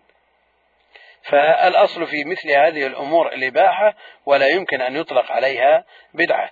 القول بأن هناك بدع واجبة أو بدع مستحبة لا شك أنه مصادمة لقول النبي عليه الصلاة والسلام وكل بدعة ضلالة. كل بدعة ضلالة. الرسول عليه الصلاة والسلام يقول كل البدع ضلالة كل بدعة ضلالة. ونحن نقول البدع واجبة هذا محادة لرسول الله عليه الصلاة والسلام. فلا يقال بمثل هذا القول بل القول هذا ضعيف. وقد آه، رده الشاطبي في آه، الاعتصام وقوض دعائمه وقال إنه قول مخترع مبتدع. لا يدل عليه دليل من الكتاب ولا من السنة. فالتقسيم مبتدع. داخل في قول النبي عليه الصلاة والسلام كل بدعة ضلالة. كيف يقول النبي عليه الصلاة والسلام كل بدعة ضلالة؟ ونحن نقول كل هناك بدع مستحبة وبدع محمودة بدع واجبة بدع مست... أبدا. لا يمكن أن آه، يتصور مثل هذا مع قوله عليه الصلاة والسلام كل بدعة ضلالة. يتشبثون عن الذين يقسمون هذا التقسيم بقول عمر رضي الله تعالى عنه في صلاة التراويح. النبي عليه الصلاة والسلام صلى صلاة التراويح بأصحابه ليلة فاجتمع إليه فئام من الناس ثم صلى بهم الثاني وهم أكثر من العدد السابق ثم اجتمعوا في الليلة آه، الثالثة حتى غص بهم المسجد فلم يخرج إليهم. خشية أن تفرض عليهم. وهذا من رأفته ورحمته عليه الصلاة والسلام بأمته. استمر الأمر على ذلك بقية عهده عليه الصلاة والسلام وجميع خلافة أبي بكر وصدرا من خلافة عمر رضي الله تعالى عنه ثم إن عمر رضي الله تعالى عنه لما أمن من فرضية صلاة التراويح بموته عليه الصلاة والسلام جمعهم على إمام واحد. جمعهم على إمام واحد. ثم خرج في ليلة من الليالي وهم يصلون آه، مجتمعين صافون متراصون. كما تصف الملائكة وهذا مما يحبه الله جل وعلا. أعجبه هذا الوضع. فقال نعمة البدعة. نعمة البدعة. فإثبات كون صلاة التراويح بدعة. والإخبار عنها بأنها أو وصفها بأنها نعمة. ونعمة حرف مدح. إذا هذه البدعة ممدوحة ومحمودة. وهذا معول من يرى أن في البدع ما يحمد. وأن فيها ما يمدح. لأن عمر قال نعمة. والنعمة حرف مدح. بخلاف بئس الذي هو حرف ذم. أو فعل على الخلاف فيهما هل هما فعلان أو حرفان المقصود أنه يشعر بالمدح. وهذا معول من يرى أن من البدع ما يمدح. شيخ الإسلام ابن تيمية رحمه الله تعالى يقول هذه بدعة لغوية. البدعة في كلام عمر رضي الله تعالى عنه بدعة لغوية وليست شرعية. فلا مستمسك فيها لقول من يقسم البدع. وأما الشاطبي ففي الاعتصام يرى أن هذه بدعة على سبيل المجاز لا على سبيل الحقيقة. يعني عند من يقول بالمجاز لا إشكال في أن يقول هذا الكلام مجاز لأنه استعمال لللفظ في غير ما وضع له. لكن الذي لا يرى المجاز وهو المرجع عند أئمة التحقيق والذي نصره شيخ الإسلام وابن القيم وجمع غفير من أهل العلم. الذي لا يقول بالمجاز كيف يقول مجاز؟ أولا كلام شيخ الإسلام رحمه الله تعالى في أنها بدعة لغوية في تقديري أنه غير متجه. لماذا؟ لأن البدعة لغة ما عمل على غير مثال سابق. وصلاة التراويح التي جمع عمر رضي الله تعالى عنه الناس عليها عملت على مثال سبق في عهد النبي عليه الصلاة والسلام صلى بهم الليلة الأولى والثانية ولم يخرج إليهم في الليلة الثالثة. فعملت على مثال سبق على هذه الكيفية.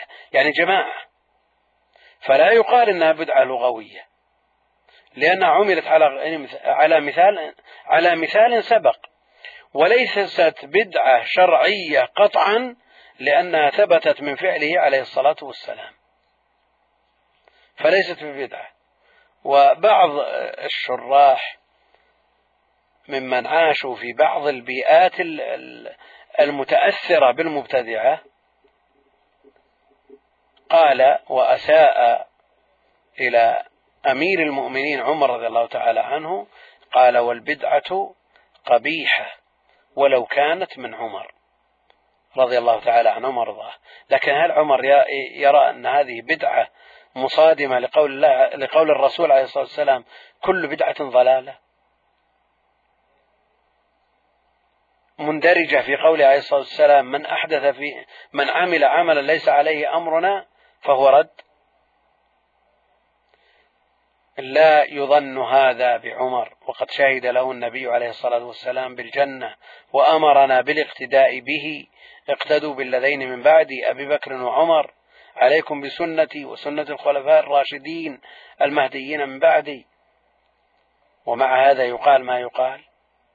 لا شك أن هذه إساءة إلى عمر ومن زكى عمر. لشرح سنته من حيث لا يشعرون. قد تصدر الكلمة من غير روية. تصدر الكلمة من غير روية. ففي حديث لم يتكلم في المهدي إلا ثلاثة. قال بعض الشراح في هذا الحصر نظر. هذا الشارح ينظر في كلام من؟ في كلام النبي عليه الصلاة والسلام الذي لا ينطق عن الهوى. إن هو إلا وحي. يوحى لا شك أن هذه إساءة بالغة. فليحذر المسلم أن يكون آه، من آه، أن يتكلم بكلام غير موزون وغير آه، بحيث لا يحسب له حساب لأنه مؤاخذ بما ينطق به. أقول بعضهم أساء إلى عمر فقال مثل هذه المقالة. شيخ الإسلام يرى أن البدعة في كلام عمر هي بدعة لغوية وقلنا أنها في حقها ليست ببدعة لغوية فضلا عن أن تكون شرعية وليست بمجاز لأنه لا مجاز في النصوص. أو لا مجاز مطلقا كما يقول شيخ الإسلام ابن تيمية وابن القيم والشنقيطي وجمع من أهل العلم.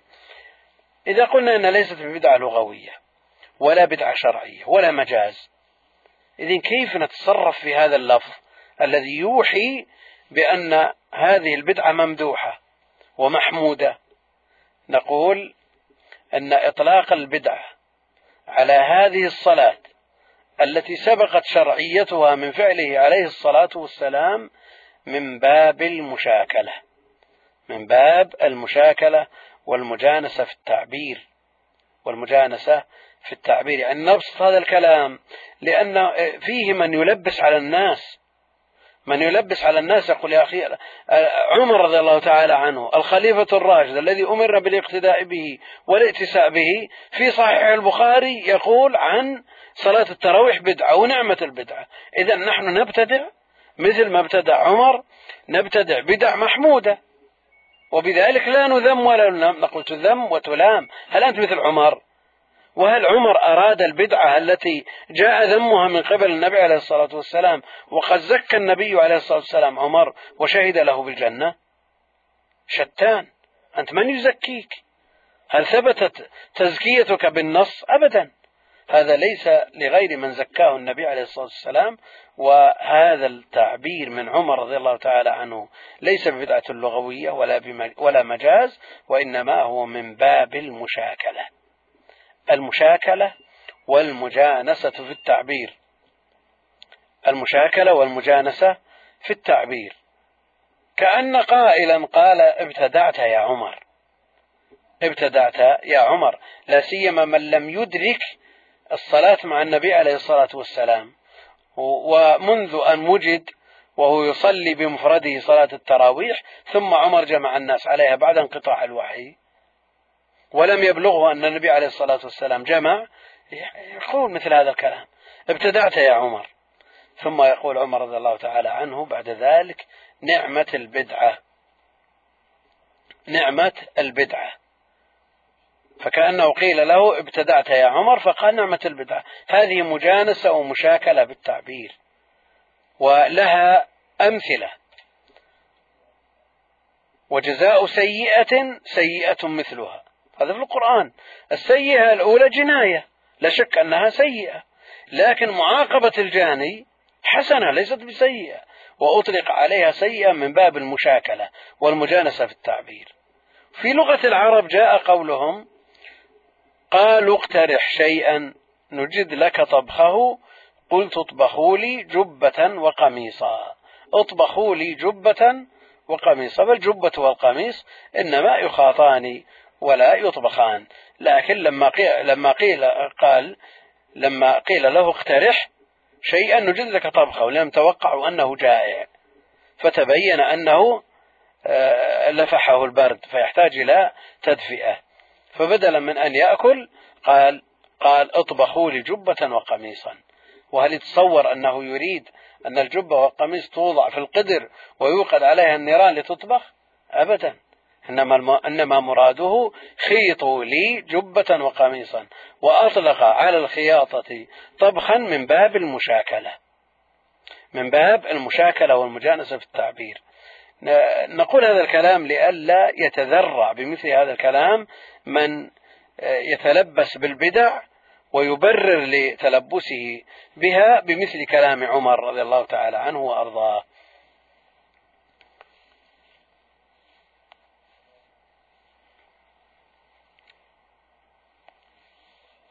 في عقيدة السفارين المسماة الدرة المضية في عقد الفرقة المرضية يقول رحمه الله تعالى في النظم كذا الصراط ثم حوض المصطفى فيا هنا لمن به نال الشفاء. كذا الصراط ثم حوض المصطفى فيا هنا لمن به نال الشفاء. في الشرح الذي هو اسمه لوامع الأنوار كما في طبعته الثانية. أما في طبعته الأولى في مطبعة المنار القديمة آه، سموه لوائح الأنوار. في لوامع الأنوار والشرح لنفس الناظم قال ثم اجزم بعد البعث والنشور وأخذ الصحف والمرور بثبوت حوض النبي صلى الله عليه وسلم. بثبوت حوض النبي صلى الله عليه وسلم فإنه حق ثابت بإجماع أهل الحق. قال الله تعالى إنا أعطيناك الكوثر.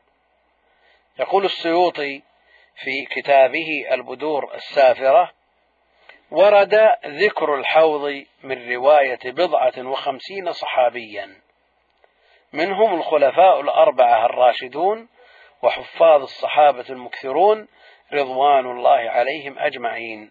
ثم ذكر الأحاديث عنهم واحدا واحدا. فالحوض ثابت بالأحاديث المتواترة. ثابت بالأحاديث المتواترة. ومعلوم أن منكر القطع عند أهل العلم يكفر. صلى الله السلامة والعافية. لأن القطع مفيد للعلم. العلم الضروري الذي يجد الإنسان نفسه مضطرة إلى تصديقه.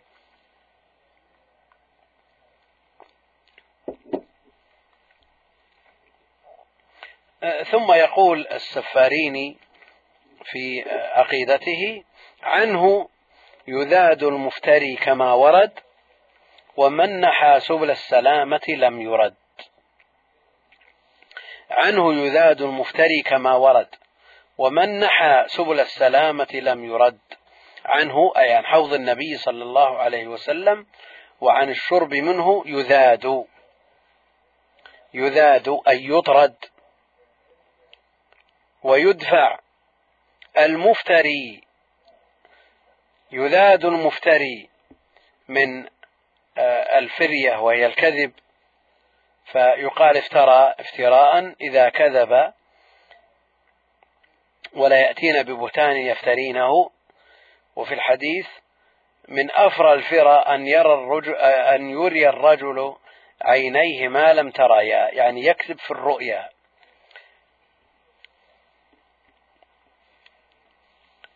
يقول السفارين في شرحه الحاصل أن من الذين يذادون عن الحوض جنس المفترين على الله تعالى وعلى رسوله صلى الله عليه وسلم من المحدثين في الدين من الروافض والخوارج وسائر أصحاب الأهواء والبدع المضلة. وكذلك المسرفون من الظلمة المفرطون في الظلم والجور وطمس الحق. كذلك المتهتكون في ارتكاب المناهي والمعلنون في اقتراف المعاصي فقد أخرج مسلم في صحيحه عن أنس بن مالك رضي الله عنه قال أغفى رسول الله صلى الله عليه وسلم إغفاءة ثم رفع رأسه متبسما فقال إنه أنزلت علي آنفا سورة. فقرأ بسم الله الرحمن الرحيم إنا أعطيناك الكوثر حتى ختمها. إلى آخر الحديث الذي أوردناه سابقا. ثم قال كما ورد ذلك في الأحاديث النبوية مما ذكرنا ومما لم نذكر. فيقول وقد أخرج البخاري ومسلم حديث ابن مسعود رضي الله تعالى عنه بلفظ قال رسول الله صلى الله عليه وسلم أنا فرطكم على الحوض ولا يرفعن إلي رجال منكم إذ, أهوي إذ هويت إليهم لأناولهم. إذا هويت إليهم لأناولهم اختلجوا دوني فأقول أي ربي أصحابي. فيقال إنك لا تدري ما أحدثوا بعدك. المقصود أن السبب في الذود وعدم الشرب من هذا الحوض هو الإحداث في الدين. والإحداث في الدين كما يكون في الاعتقاد يكون في الأعمال. الإحداث في الدين كما يكون في الاعتقاد يكون في الأعمال. فمن ابتدع في الدين واخترع شيئا أدخله وأدرجه في دين الله جل وعلا مما ليس منه لا شك أنه داخل في من يحدث فيذاد عن الحوض على ما تقدم. آه، ثم يقول آه، السفارين في شرح منظومته ثم الطرد قد يكون في حال ويقربون بعد المغفرة إن كان التبديل في الأعمال ولم يكن في العقائد. إن كان التبديل في الأعمال ولم يكن آه، في العقائد. يقول ثم الطرد قد يكون في حال ويقربون بعد المغفرة. إن كان التبديل في الأعمال ولم يكن في العقائد. قال وقد يقال إن أهل الكبائر يردون ويشربون وإذا دخلوا النار بعد ذلك لم يعذبوا بالعطش لأن من شرب من شرب من هذا الحوض لم يظمأ بعده أبدا لم يظمأ بعد هذه الشربة أبدا. كيف حال أهل الكبائر الذين لا يعدون من المبتدعة ولم يحدثوا؟ هؤلاء أهل الكبائر هم الذين يقول عنهم السفارين ثم الطرد قد يكون في حال ويقربون بعد المغفرة إن كان التبديل في الأعمال ولم يكن في العقائد. قال وقد يقال إن أهل الكبائر يردون لعله يردون. يردون يقول يردون ويشربون لعل الظاهر أنه من كلامه أنه قال وقد يقال إن أهل الكبائر يردون ولا ولا يشربون وإذا دخلوا النار بعد ذلك كيف؟ لا قال وقد يقال نعم إن أهل النار وقد يقال إن أهل الكبائر يردون ويشربون لماذا؟ لأنهم لم يحدثوا في الدين ولم يبتدعوا فيه نعم وقد يقال إن أهل الكبائر يردون ويشربون وإذا دخلوا النار بعد ذلك لم يعذبوا بالعطش لأن من شرب لم يظمأ بعد ذلك أبدا. فأهل البدع مطرودون عن حوض النبي عليه الصلاة والسلام آه، ومردودون عن الشرب منه. ومن نحى أي وأي شخص من هذه الأمة من ذكر أو أنثى نحى أي قصد سبل بضم السين وما ككتب جمع سبيل وهو الطريق وما وضح منه وجمعه وجمعه لأن الأصل أن الطريق واحد الصراط واحد الصراط المستقيم واحد. فلماذا جمعه وقال سبل السلامة؟ سبل السلامة ولم يقل سبيل السلامة. هو نظير ما جاء في قول الله تعالى سبل السلام سبل السلام. فيجمع السبل وإن كان السبيل والطريق والصراط واحد قال جمعه لأن الطريق الحق واحد آه، باعتبار خصاله وشعبه المتوصل منها إليه. يهدي به الله من اتبع رضوانه سبل السلام. الأصل أن السبيل واحد.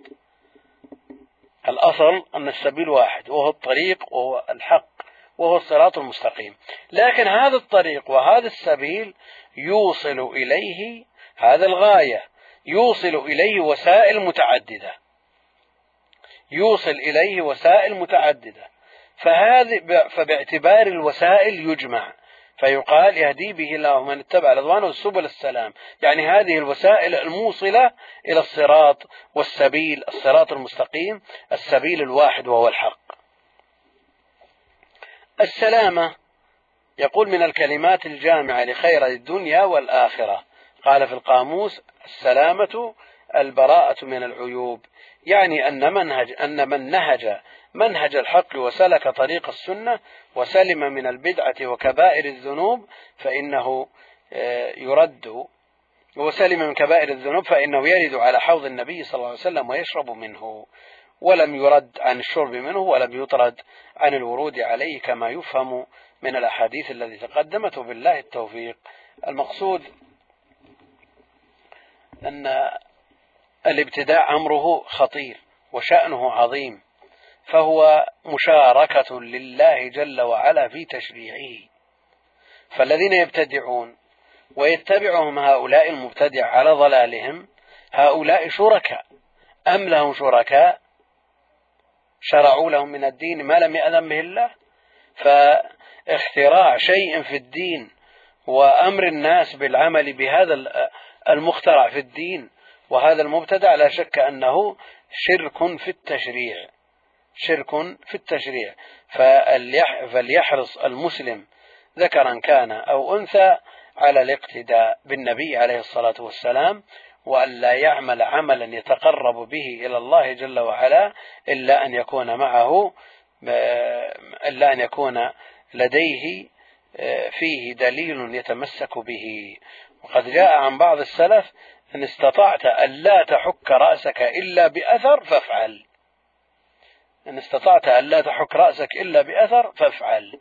وفي هذا مبالغة في الاتباع وتنفير من الابتداع. اتبعوا كما يقول ابن مسعود رضي الله تعالى عنه اتبعوا ولا تبتدعوا فقد كفيتم. يعني الإنسان لو آه، يعمل طول عمره في تحقيق ما خلق من أجله وهو العبودية لله جل وعلا مقتصرا في ذلك على ما جاء عنه في كتابه جل وعلا وما صح من سنة نبيه عليه الصلاة والسلام لما كفاه العمر. لأنه ثبت عن النبي عليه الصلاة والسلام أحاديث كثيرة جدا. فعلى الإنسان أن يبن أن يعمل بجميع ما بلغه عن النبي عليه الصلاة والسلام لأن العمل هو الثمرة المرجوة من العلم. فعلم بلا عمل كشجر بلا ثمر. وبالمقابل إذا جاء الأمر بالعلم بالعمل يأتي أيضا التنفير والتحذير عن عمل لا علم معه. فلا شك أن العلم قبل القول والعمل. فليكون الإنسان على بصيرة من أمره فلا يقدم على عمل يتدين به ويتقرب به إلى الله جل وعلا.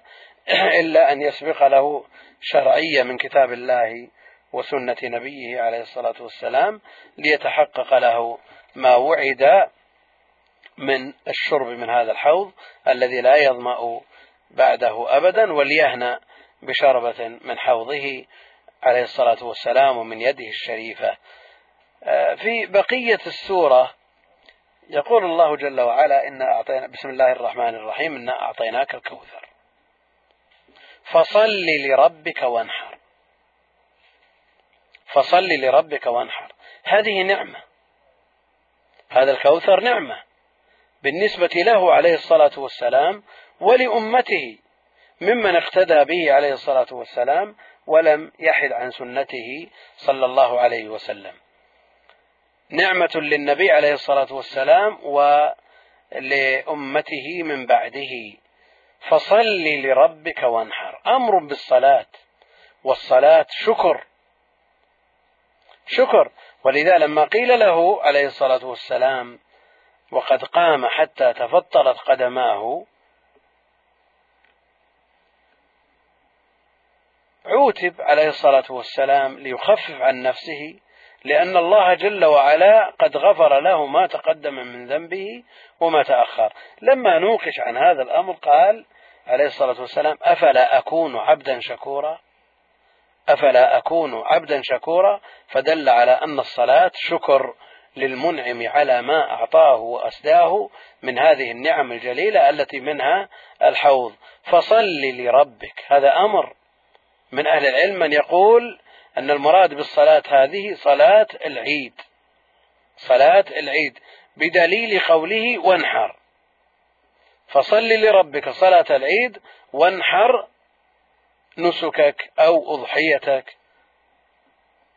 فهذا أمر بالصلاة التي هي صلاة العيد ونحر الهدي والأضاحي وصلاة العيد لهذا الأمر أوجبها من أوجبها من أهل العلم كالحنفية وهو اختيار شيخ الإسلام ابن تيمية رحمه الله تعالى لأنه ثبت الأمر بها في قوله فصل لربك وانحر. وأيضا النبي عليه الصلاة والسلام داوم على صلاة العيد ولم يذكر عنه أنه تركها وداوم عليها خلفاؤه من بعده رضوان الله عليهم وأمر النساء بالخروج إليها. في حديث أم عطية أمرنا أن نخرج العواتق والحيض وذوات الخدور إلى صلاة العيد. فمثل هذه النصوص ترقى وتقوى على وجوب صلاة العيد وهذا ما يختاره شيخ الإسلام ابن تيمية. وأما الأمر بقوله وانحر فالمراد به الأضحية والهدي. فمن الهدي ما يجب ومنه ما يستحب. وأما الأضحية فقد اختلف فيها أهل العلم.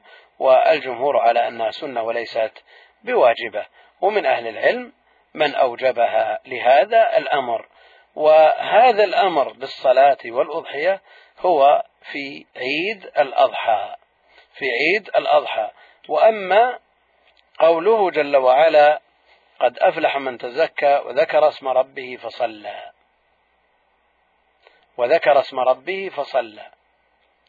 قد أفلح إيش؟ من تزكى. فذكر اسم ربه فصلى. هذا في عيد الفطر. تزكى أي دفع زكاة الفطر. ثم صلى صلاة العيد. وتقديم زكاة الزكاة. قد أفلح من تزكى.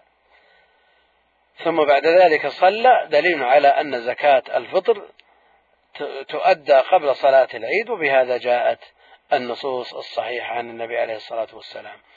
آه، ثم بعد ذلك صلي صلاة عيد الفطر. وهنا فصل لربك وانحر. الصلاة قبل النحر. وبهذا جاءت السنة. آه، إن شانئك هو الأبتر. إن شانئك هو الأبتر. الشانئ هو المبغض. يعني من يبغضك يا محمد؟ ويشنأك. هو الأبتر. هو الأقطع. هو الناقص الممحوق البركة. فالشانئ هو المبغض كما في قوله جل وعلا ولا يجرمنكم شنآن قوم على ألا تعدلوا اعدلوا هو أقرب للتقوى. فالشانئ هو المبغض فالذي يبغض النبي عليه الصلاة والسلام. لا شك أنه هو الأبتر هو الناقص هو المقطوع هو الذاهب البركة. لا بركة فيه ولا خير.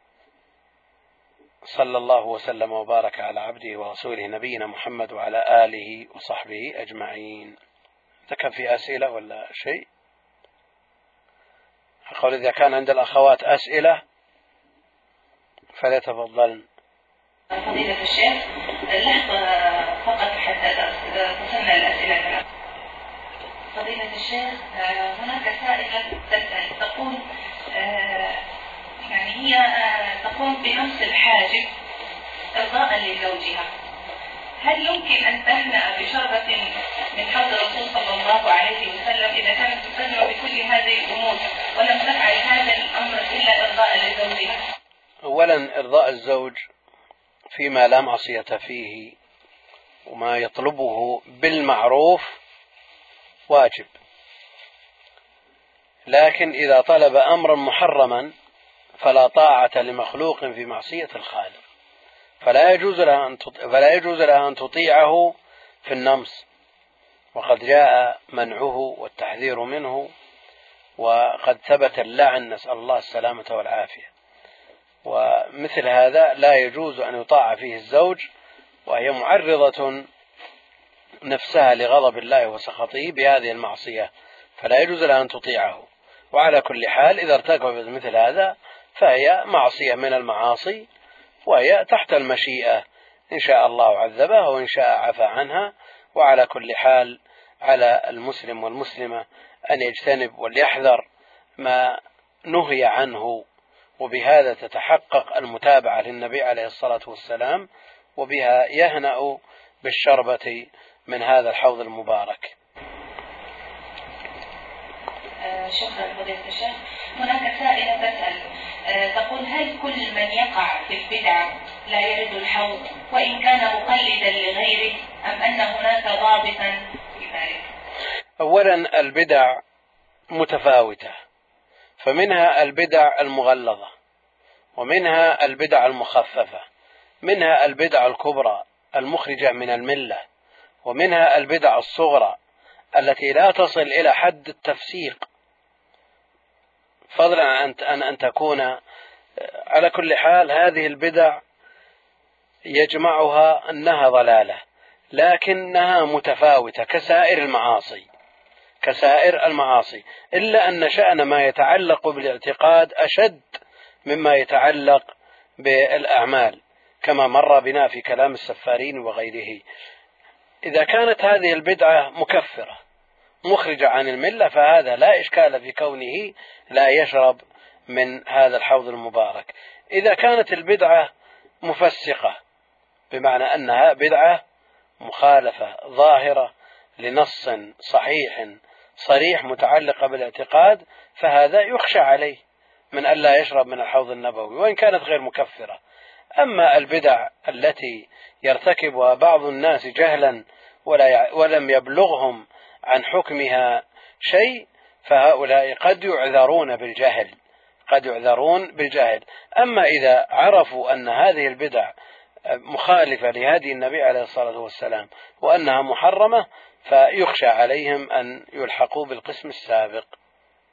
فليست البدع على حد سواء وليس المبتدعة من حيث بلوغ الحجة وعدم بلوغها على حد سواء. آه، شكرا. هناك سائلة تسأل تقول آه، قال تعالى فصل لربك وانحر. هل الذبح لله عند تجدد نعمة أو دفع نقمة؟ شكرا لله. مشروع. أم أن النحر هنا هو الذبح في النسك والعقيقة فقط لا غير الذبح إذا كان المقصود به التقرب لوجه الله جل وعلا سواء كان في نسك في هدي في أضحية في عقيقة في وليمة عرس امتثالا لقوله عليه الصلاة والسلام أولم ولو بشاه هذا كله يثاب عليه. إكراما لضيفه من كان يؤمن بالله واليوم الآخر فليكرم ضيفه إذا امتثل مثل هذا يثاب إليه يثاب عليه. آه، لا شك أن إكرام الضيف جاء جاء الأمر به والحث عليه من كان يؤمن بالله واليوم الآخر فليكرم ضيفه. إذا ذبح لله جل وعلا. ونسك نسيكة يوزعها على الفقراء والمحتاجين لا شك أنه يثاب عليها. فالنحر أعم من أن يكون أضحية أو هدي أو عقيقة. وإن كان هذه ما, ما ورد فيها النصوص صراحة. لكن يلحق بها ما يتقرب به إلى الله جل وعلا خالصا لوجهه. ممتثلا فيه ما جاء عنه عن نبيه عليه الصلاة والسلام. فالذي يذبح لضيفه امتثالا لقوله عليه الصلاة والسلام من كان يؤمن بالله واليوم الآخر فليكرم ضيفه لا شك أن هذا مثاب عليها داخل في الأمر بالنحر. أيضا قوله عليه الصلاة والسلام لعبد الرحمن بن عوف أولم ولو بشاة. من أولم بشاة فذبح شاة وقدمها لضيوفه في عرسه فإنه يثاب امتثالا لهذا الأمر. هناك سائلة تقول آه، بالضبط يا شيخ ما هي الأعمال الصالحة التي تجعلنا نرد على حوض النبي صلى الله عليه وسلم؟ الأعمال الصالحة هي جميع ما جاء عنه عليه الصلاة والسلام وأمر به سواء كان من فعله فيقتدى به أو كان من قوله فيمتثل أمره وأيضا ينظر إلى ما نهى عنه وحذر منه. يجتنب. وهنا تتحقق التقوى التي هي خير الزاد الموصل إلى دار القرار. وتزودوا فإن خير الزاد التقوى. والتقوى امتثال المأمورات واجتناب المحظورات. هذه حقيقة التقوى. فمن امتثل ما أمر به واجتنب ما نهي عنه فهو المتقي. ومن أجل التقوى شرعت العبادات.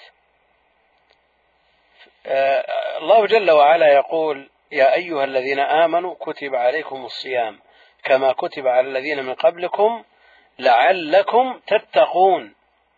فالثمرة العظمى من الصيام ليست تعذيب النفس بالجوع والعطش إنما تحصيل التقوى. ويقول الله جل وعلا بالنسبة للحج اذكروا الله في أيام معدودات فمن تعجل في يومين فلا إثم عليه ومن تأخر فلا إثم عليه لمن اتقى. لمن اتقى. فهذه العبادات إنما آه، تفعل آه، ابتغاء مرضات الله جل وعلا وتقواه. والتقوى هي وصية الله تعالى للأولين والآخرين من سائر الأمم. فعلى الإنسان أن يتقي الله جل وعلا بفعل جميع ما أمر به والكف والانتهاء عن جميع ما نهي عنه. وبهذا يصل لأن التقوى هي الزاد الموصل إلى آه، دار القرار مرورا بهذا الحوض الذي من شرب منه لم يظمأ أبدا. أما بالنسبة لمن يترك الواجبات ويرتكب ما حرم الله عليه فإن هذا على خطر لأنه لم يحقق.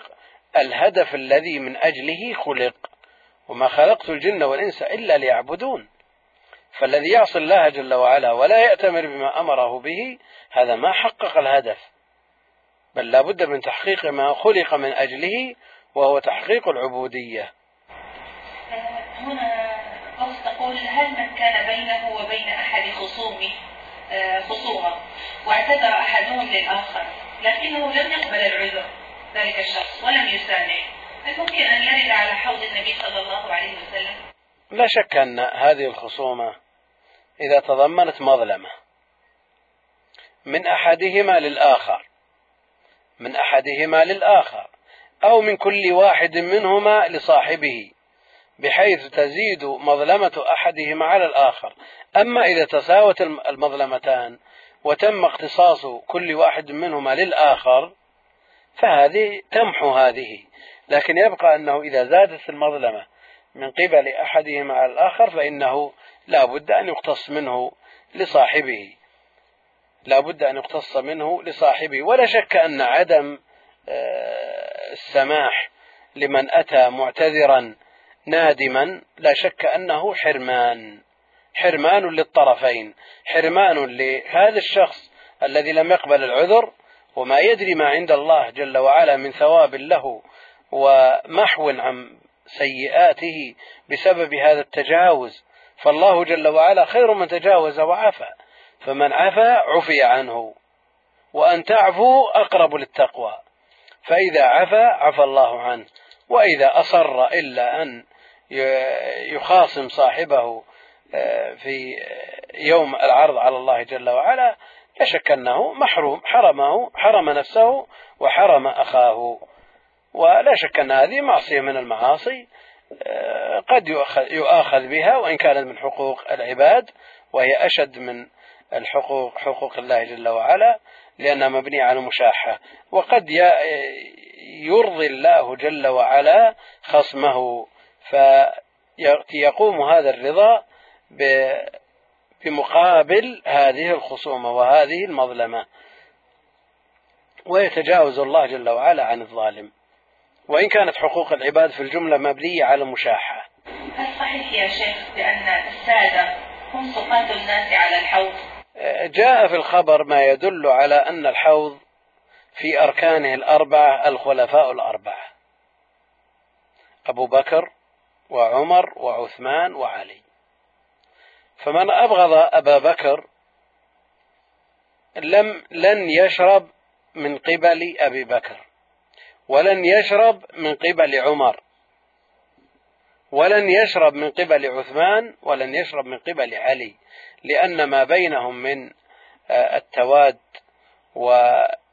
والاتفاق والتطابق في ما يعبر عنه بوجهات النظر يعني همهم واحد.